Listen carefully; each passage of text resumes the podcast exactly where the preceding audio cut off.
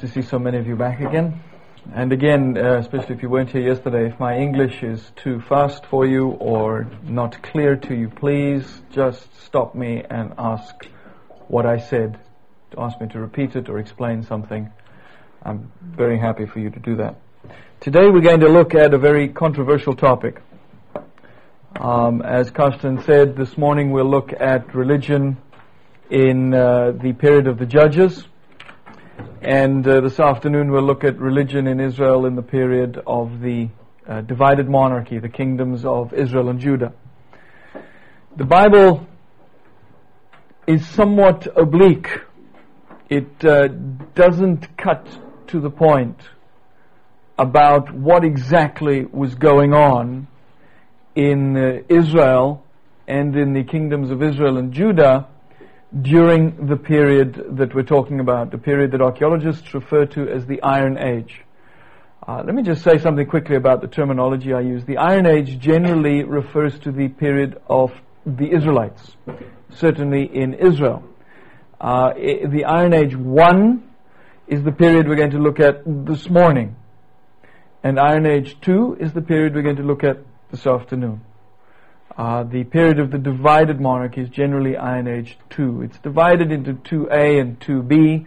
2A is generally the united monarchy, just that one period we were looking at yesterday morning.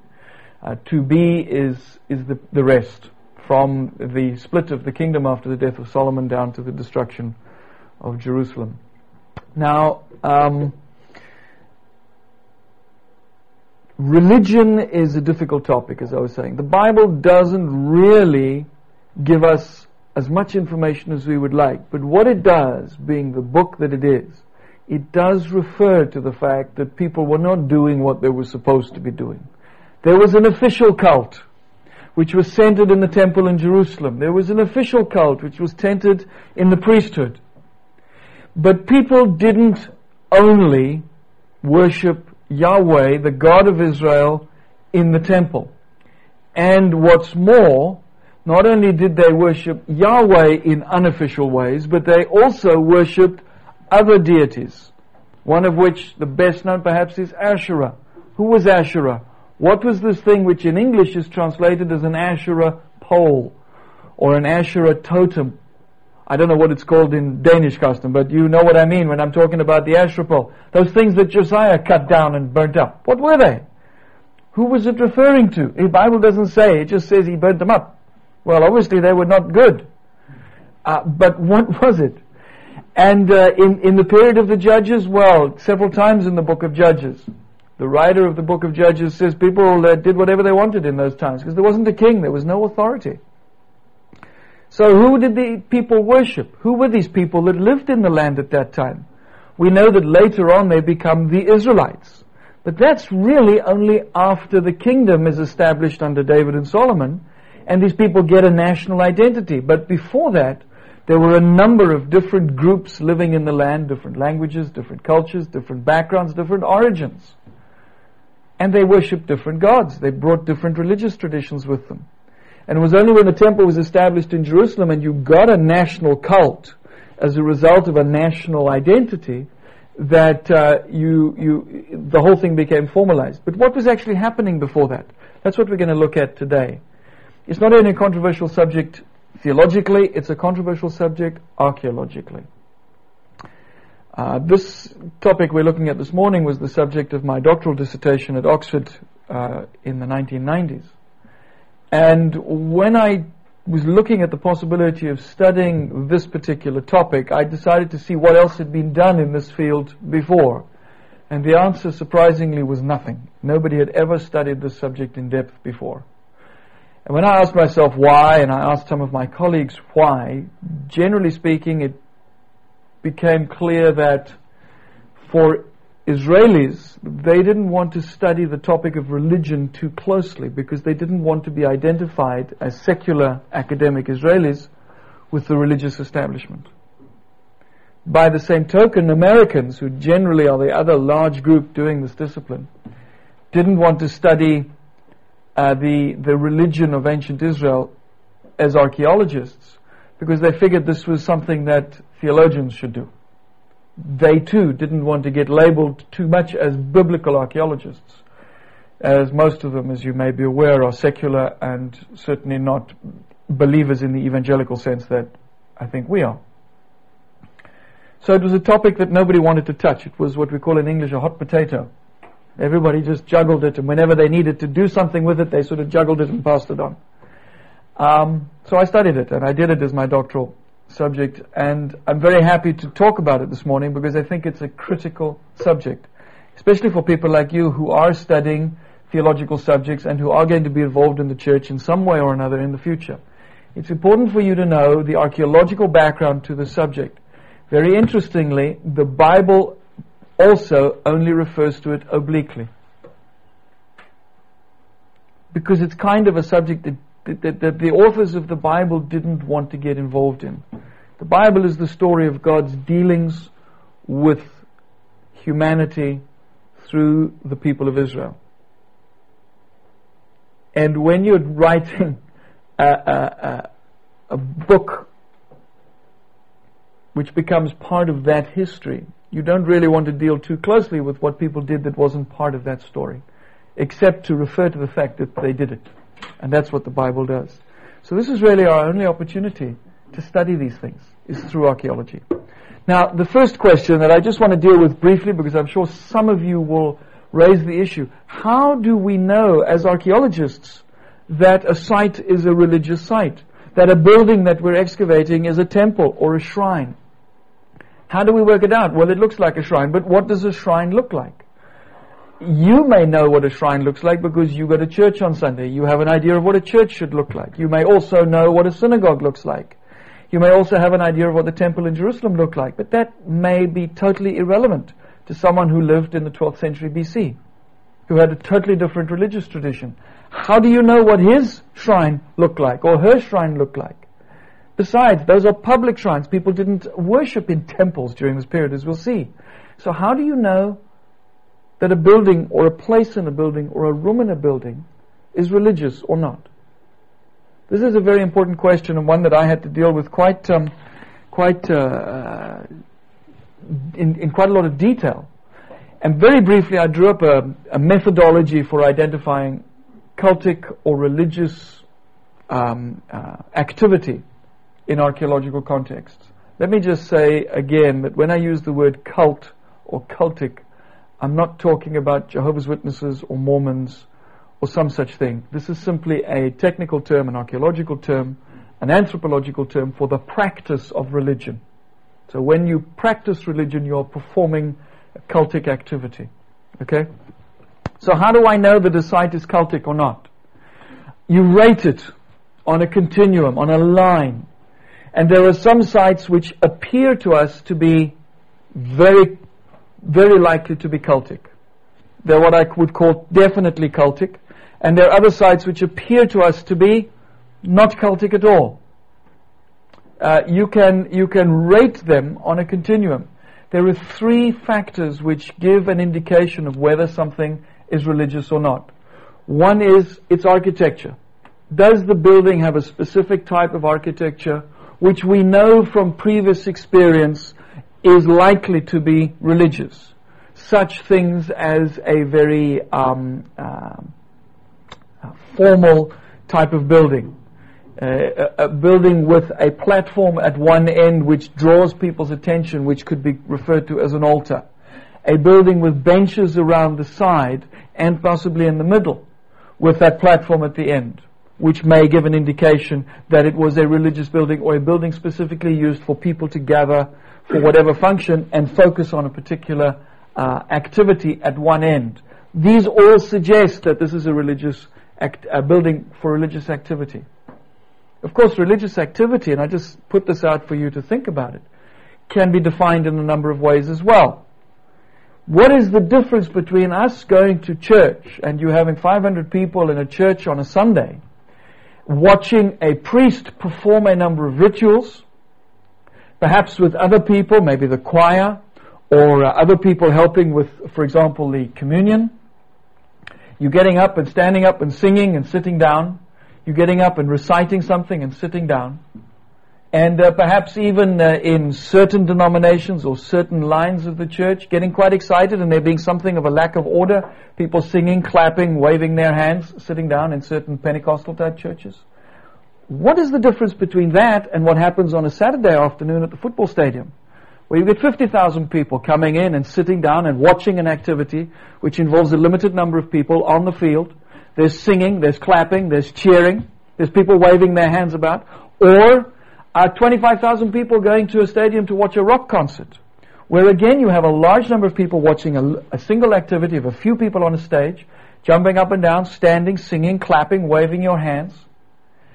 Do you see what I'm saying? It, when it comes to anthropology, when it comes to observing these things, and certainly when it comes to looking at the remains left behind these things, there may be very little difference.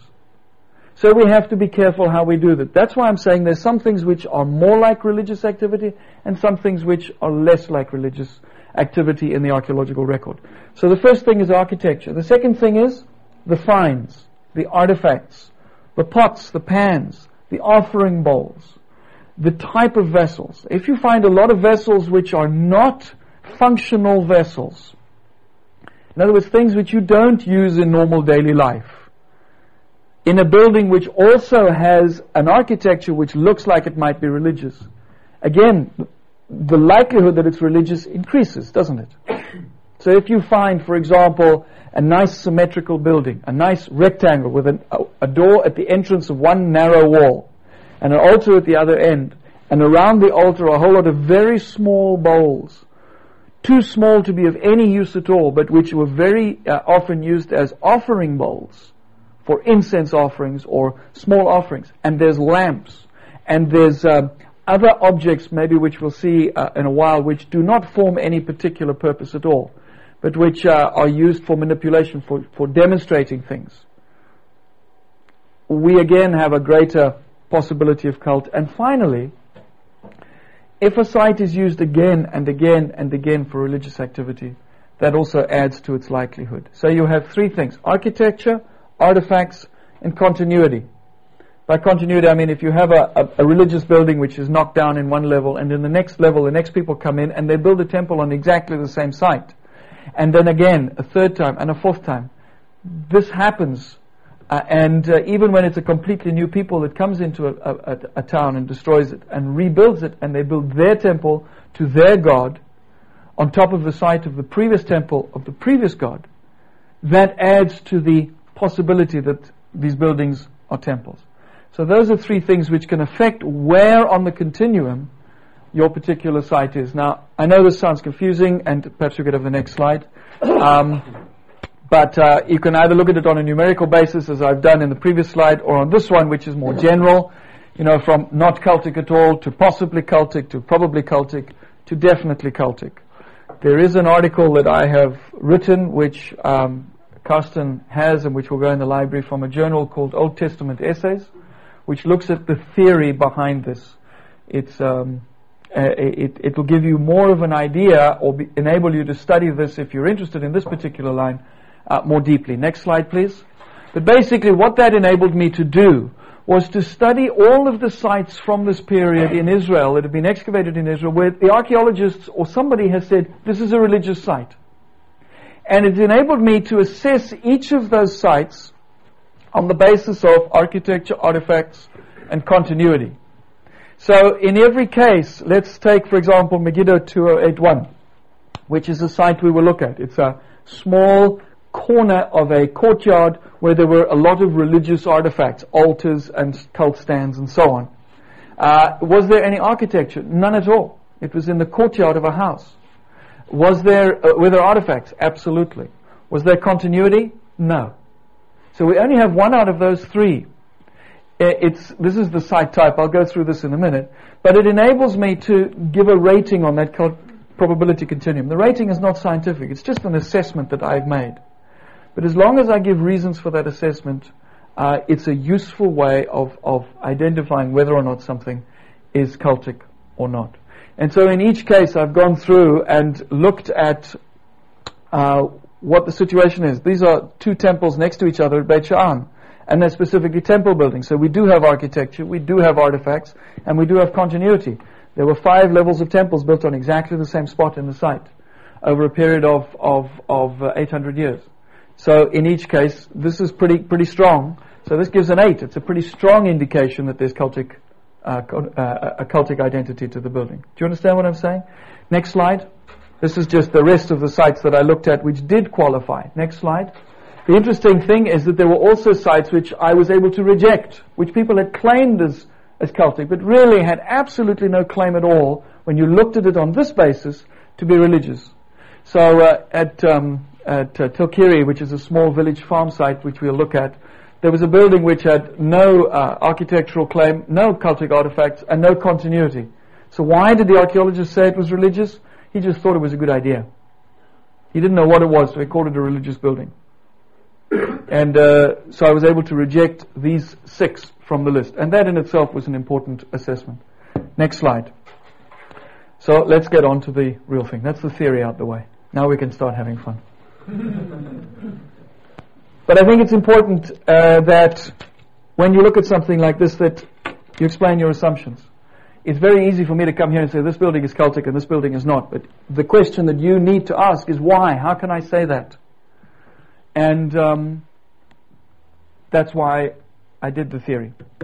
So this is uh, a, a, town that's in the news at the moment. Anybody know where this is? Anybody recognize this? It's not Jenin. It's the other one. This is Nablus. This is Nablus. This is Mount Ebal. Yeah. And um, at the foot of Mount Ebal, just over here, is an ancient site called Shechem. And uh, next slide, please. Uh, what we're going to look at, this is an aerial photograph of part of the site of Shechem, is in order to put into context what happened in the period of the judges, we're going to look briefly at what happened before. What happened leading up to it, because it's very different. During the Bronze Age, during the second millennium, before the coming of the Philistines, the coming of the Israelites, when the Canaanite uh, political system was still active in the land, where you still had centralized authority, even in reduced size in the small Canaanite cities. You had centralized religion, and centralized religion manifests itself in temples. It always does. There is a central place where the God is worshipped in an official way. And it's centralized because that's the way the priests can control it. If it's decentralized, anybody can do what they like. There's no control. So what we see during the Middle Bronze Age is three types of temples. The most prominent is this type. This is a huge temple. Look at the thickness of the walls compared to these houses along the edge of the site. It's even thicker than the city wall itself. This is the Tower Temple at Shechem. Almost certainly, this is the Tower of Shechem, which is referred to in the book of Judges in the story of Gideon and his descendants, which was burnt down with all the people in it. Uh, there's a recent article by Larry Stager uh, looking at the uh, at the at the at that story and this particular building. If you, I don't know where he published it. I think it's in some festschrift or other. I saw a draft copy of it. Um, but you can see that that building is very solid. It's built close to the edge of the site, but also it's built on the highest point of the site. And the thickness of the walls gives us an idea of the size of the building. It was very tall. These are called tower temples because they form big towers. And uh, it's very symmetrical. There's a door at the back, and uh, clearly is some sort of non-domestic structure. So this is a temple at Shechem, a tower temple. Next slide. There's another one at Megiddo. Our friend Megiddo once again. Next slide, please. And uh, this one at Megiddo is Temple 2048. I'll show you a plan because the photograph, I'll show you a photograph in the next slide, is very poor. Unfortunately, it was removed during the excavations in the 1930s, so I, we can't go back and take a nice aerial photograph now like we did at Shechem. But uh, you can see again that it is a very distinctive type of building. It's nice and symmetrical. It has these very, very wide uh, walls, very high building, and compared to the buildings around, it's dramatic. Everything about it says power, says pay attention, says I am in charge around here. Yeah? Uh, next slide. It's also built on the highest point of the mount. Perhaps we could uh, focus just a little. That's fine. This is the wall here. This is the entrance at the back leading up, and there was an altar in the front. There's stairs leading to the altar. and so on. So clearly, this is another very powerful uh, manifestation of, of centralized religious authority. Next slide, please. If we go to Chatzor, uh, that site in the north of Israel, which was the head of all those kingdoms during this period, uh, the entire site uh, was settled during this time. In the Iron Age, it, as we looked at yesterday, it was only on this part of the main mound. But there's another mound. You can see it going all the way out here. 800 dunam, 80 hectares. 80 hectares is quite large even today.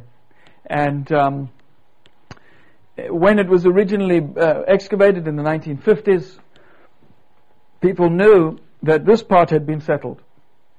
They had no idea what this lower mound was for.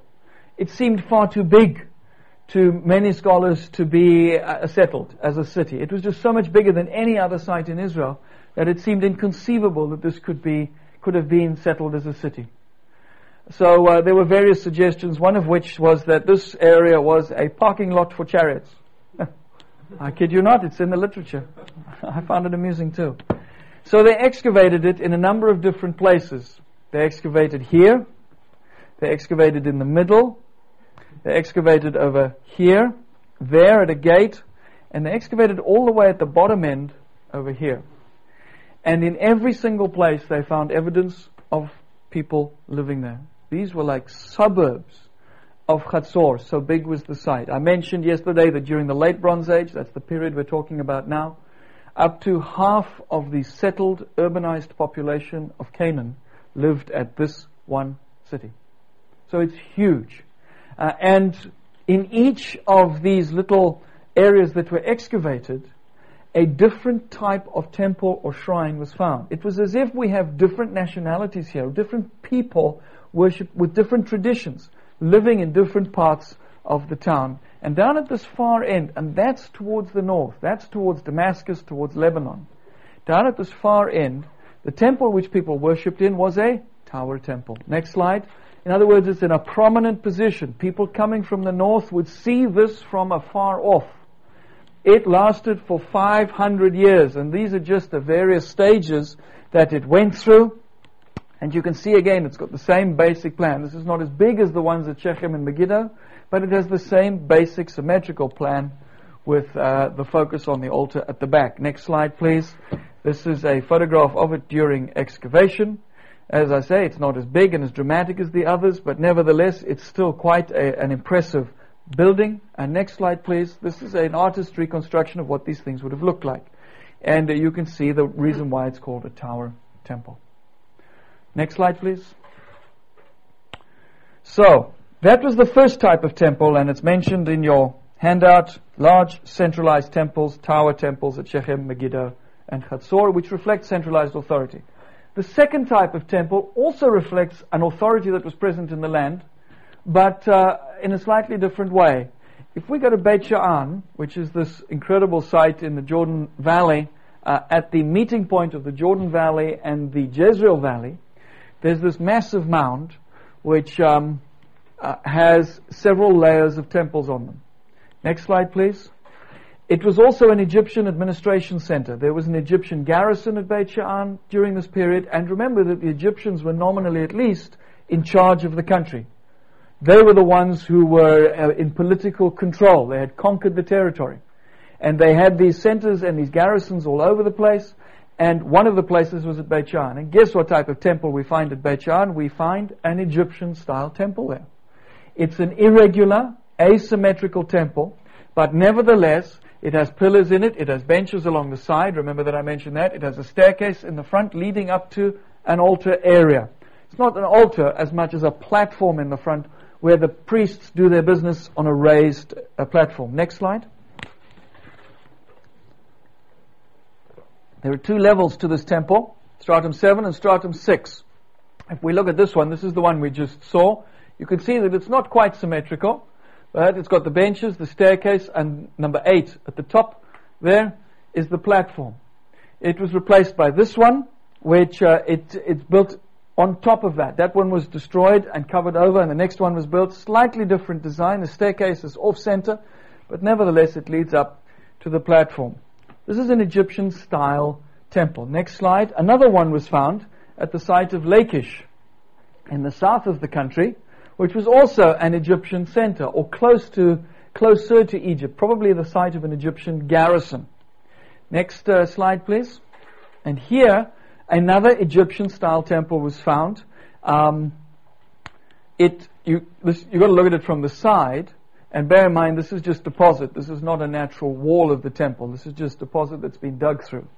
But this is the floor of the temple. There's a staircase leading up to an area which is an area where the priest would, would do his business. There are pillars which are very uh, uh interesting Egyptian style pillars, Egyptian style pillar bases. There are a couple of other Egyptian things. The temple was painted with Egyptian colors, uh, but there are also Canaanite uh, things in there, such as uh, Asherah uh, or Ishtar riding on a horse.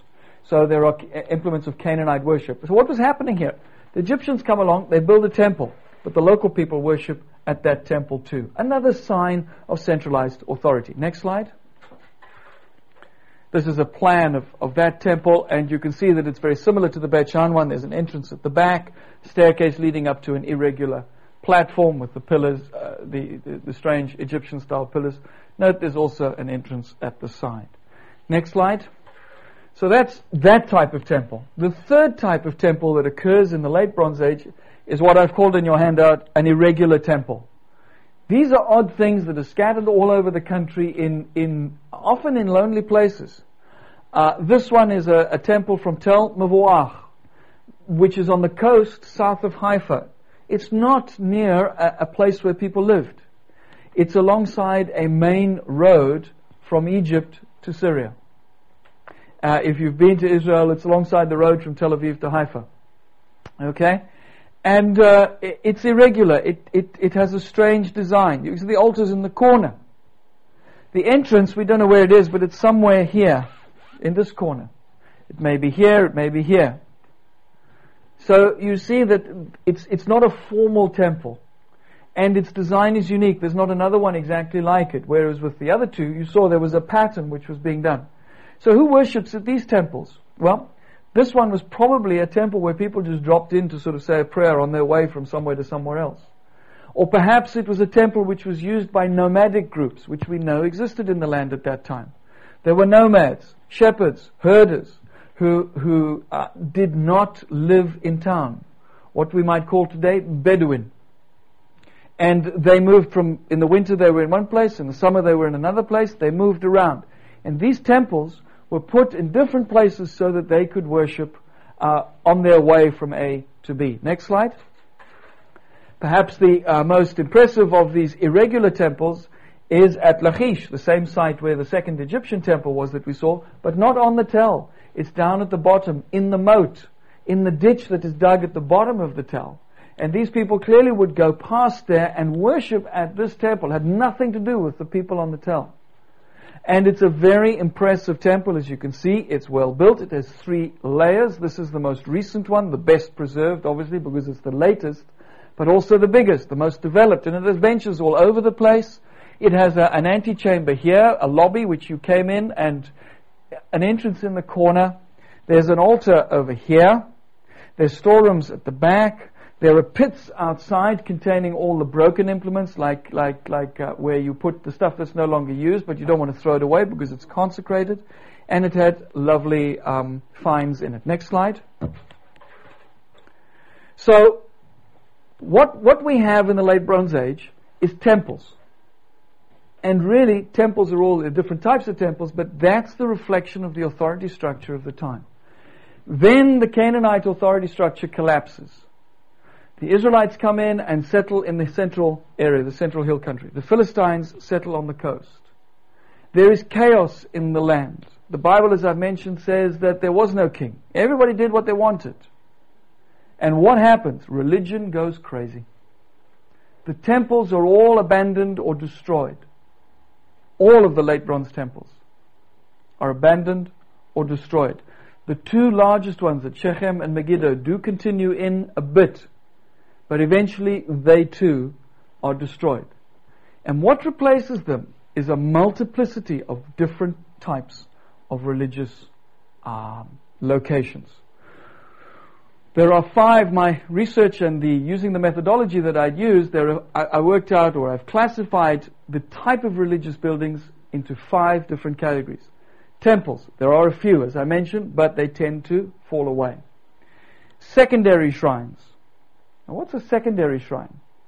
A secondary shrine is what I describe as a shrine or a cultic corner or a room in another building whose function is not religious. So if this building that we're in now has a small chapel in it, as well as lecture rooms, a kitchen, a smoking room, a dining room, a library, an offices, and a photocopy room. One of those little rooms is a chapel. Then that chapel is what I would call a secondary cult room. Do you understand what I'm saying? Because it's in a building whose function is not primarily religious. Okay? And within that, we have three different subcategories. We have what I've called secondary public cult rooms. These were rooms which I think were for the general population to go and do their, practice their religion. They would go into these rooms, anybody in the village could go, or a number of people in the village could go. There are cult rooms in monumental buildings. This is kind of exceptional. There's only one of them, and this is at a Philistine site.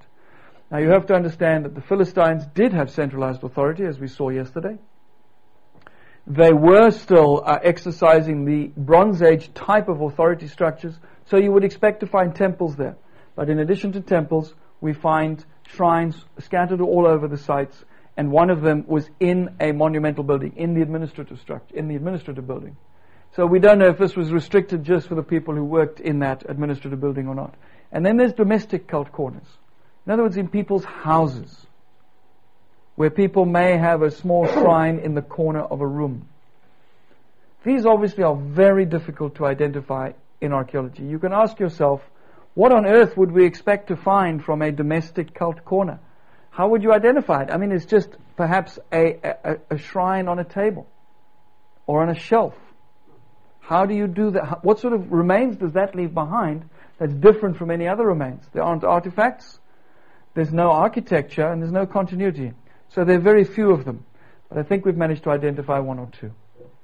And we'll look at that. Uh, if any of you have ever been to Greece, you will have seen along the side of the road as you drive in Greece small shrines, usually to the Virgin Mary. Um, and they're very simple, just a few rocks, maybe a picture. Maybe it's where somebody died, maybe it's where some event took place, maybe it's just somebody being pious. Also, anthropological research in, in homes in Greece, in a little in a little country village called Vasilika, have shown that many people in their homes have a little corner where there is a photograph of Jesus, perhaps a photograph of Jesus, and a photograph of not a photograph, you know, but a photograph of, a, of an icon uh, of Jesus and of Mary. There's perhaps a lace tablecloth on a dressing table. There may be a rosary bead, uh, a small crucifix, uh, and that's it. But it's on a dressing table, or it's on a bookshelf, or it's on a, a mantelpiece. It's just part of the general furniture of the room. This is the sort of thing that, that was very prevalent during this time. Then there are industrial cult corners. In other words, people took their religion to work with them. And in their offices, in their workshops, in their factories, they have religious activity. We have open air outdoor cult places, altars on hills. We know that this took place because the Bible refers to it often. The prophets keep on saying, you know, under every tree, on every hilltop, you people go and worship to false gods. We found a couple of those. And then there's a final category of extramural shrines outside of the city, but close enough for people to go. A few hundred yards from the city, there are small buildings which were available for people to go and worship. Perhaps these were non-conformist uh, religious uh, activities. Next slide, please. So that's what we find in this period. So let's move on and have a look at the evidence. What about temples? We'll go through these one by one. The first type of temple is found in the Philistine sites. Now I mentioned the Philistines really are exceptional. Excuse me, during this period. They retain a centralized authority structure. They live in cities.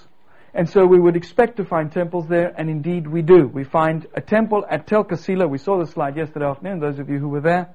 And Tel Qasila is a small site. It's a, it's a small town on a river, actually inside Tel Aviv today, on the Yarkon River. It was a small port and fishing town, really. And in the center of the town, at the highest point, there is a temple, a really rather nice temple. It's a well established temple. There's a small shrine for the priests as well at the back. Uh, but this is where the people were able to come and make their worship. This is very similar to what we find in the Canaanite period. And as I say, it should be seen as exceptional to this period because the Philistines were not like the rest of the country. Next slide. Uh, again, at Beit Sha'an, I, I love this site. It's, it never fails to impress. And I dug here one season, and let me tell you, every time you want to go up and down that, that tell, you want to go down and get some water, or you need to go for a meal, or go buy Coke at the, at the Coke store, you think twice because it's a long way down, but it's an even longer way up. In the middle of the day when the temperature gets to 45 or 48, um, you know, it's it's quite an interesting experience. The huge Roman city has been excavated down below, and if any of you do go digging in Israel this year, it's worthwhile taking time to go on a field trip to Beit Sha'an. But on top of that site, there are temples from this period. Next slide, please. This is in the Jezreel Valley. And in the Jezreel Valley, during the 12th and 11th centuries, we get what might be called a mini revival among the Canaanites. The Canaanites really collapsed, as I mentioned at the end of the Bronze Age. The Egyptians withdrew about 50 years later. And in the place of these two groups came the Israelites and the Philistines. And what emerged at the end of the period of the Judges was uh, uh, an Israelite kingdom. But the process of reaching that Israelite kingdom was a difficult process and a varied process. The other groups, as I said yesterday, didn't dissolve into a puddle of acid. They carried on existing. Many of them reestablished themselves with a new identity to the north as Phoenicians. But some of them came back to the Jezreel Valley, which is that valley that runs from Haifa to the Jordan River, and reestablished themselves for a while. In other words, this was what might be called the last vestige of Canaanite culture in Israel. And they built temples at this site.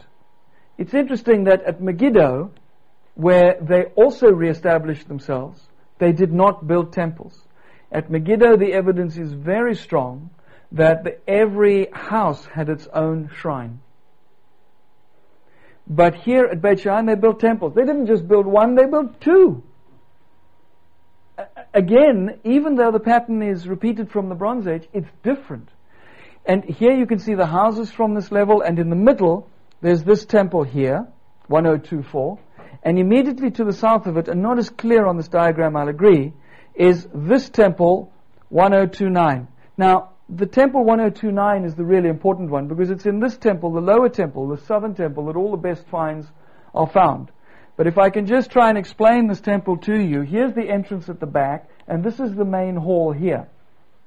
These two walls are low walls, the size, the height of your desks, as if creating an aisle down the middle of the hall. Think of a traditional European church built in the Middle Ages, where you have a, a series of columns down the middle with, with seats inside those columns in a narrow aisle, and then outside of those, people who come late for church, they sit on the outside and they can't see the altar because there's columns in the way. Yeah?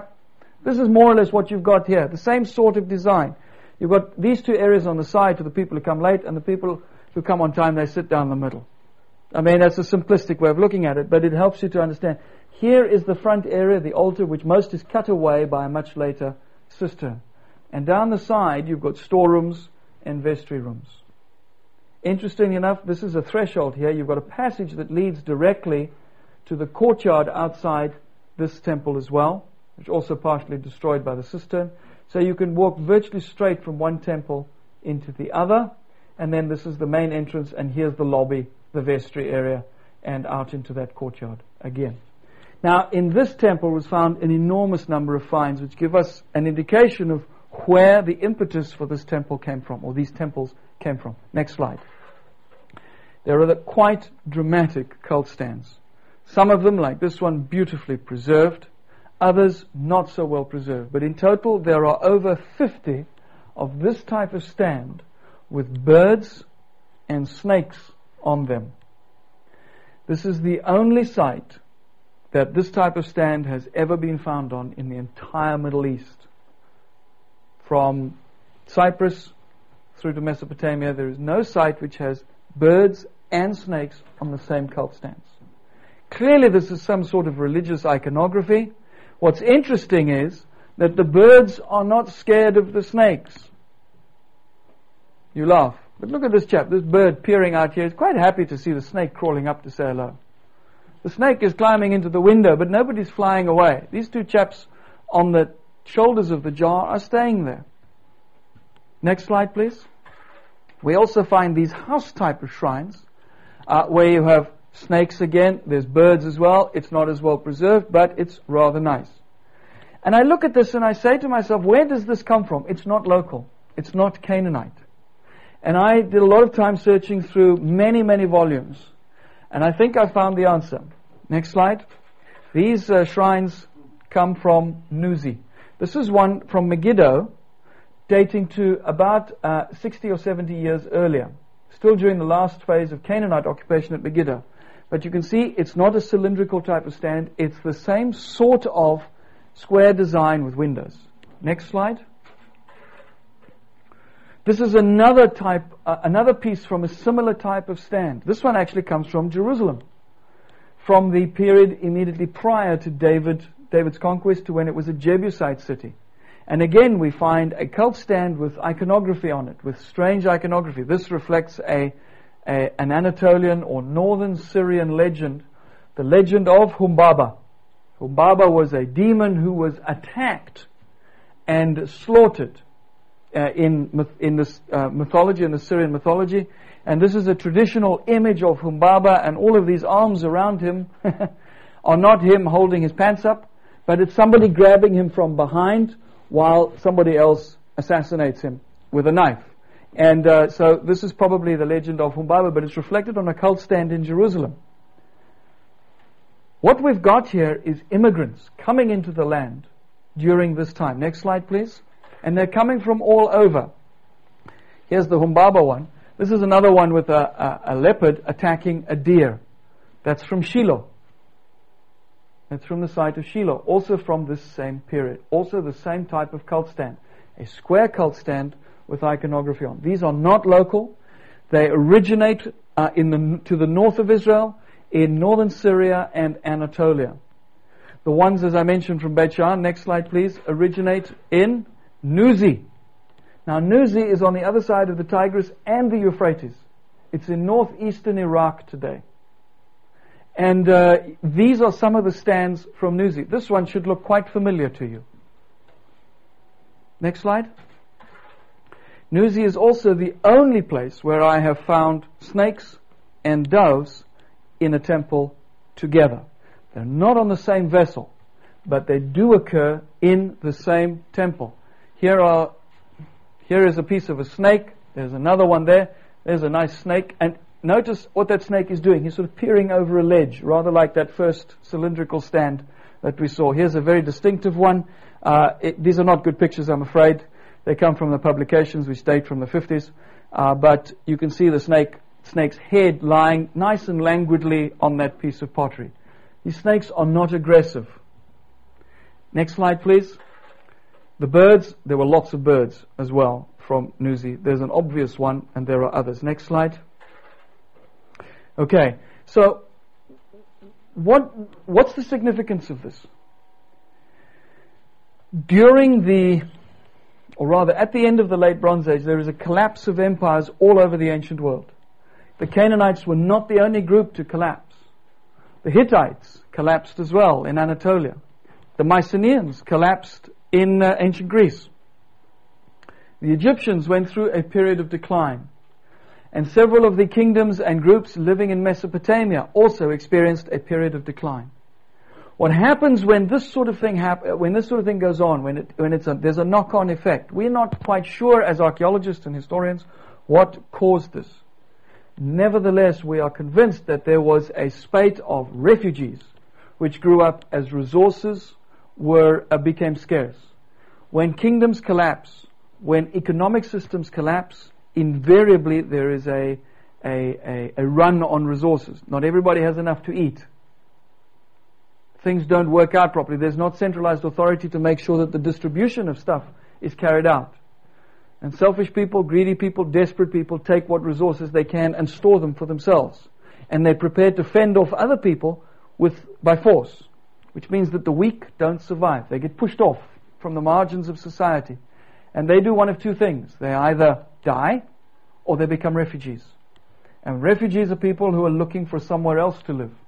But when every other area, every other kingdom, every other organi- uh, or group of people is going through the same pressures, there are lots of refugees and they're looking for a new place to stay. Palestine, Canaan, during this period was a suitable place for people to come and live. We saw yesterday in the first lecture how there was a massive increase in population during this period in the Central Hill Country. And many of those people were immigrants from outside. It is also quite possible that uh, the Israelites under Moses and under Joshua can be classified in the same way. They were, in a sense, refugees. They were, in a sense, a large group of people on the move looking for a place to settle down.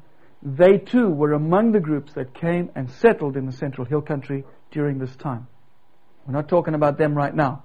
I'm talking about groups from the north, from Syria, from Anatolia, and from even from as far away as Mesopotamia, the far side of the Euphrates. We'll take a break in two minutes. I just want to finish with one more site. This is the site of Tell es-Sa'idiyeh. Uh, it's a huge site, as you can see, a massive artificial mound. It was a huge late, uh, early Bronze city, early Bronze Age city in the third millennium. It was also occupied in the second millennium, and then in this period, it was also occupied.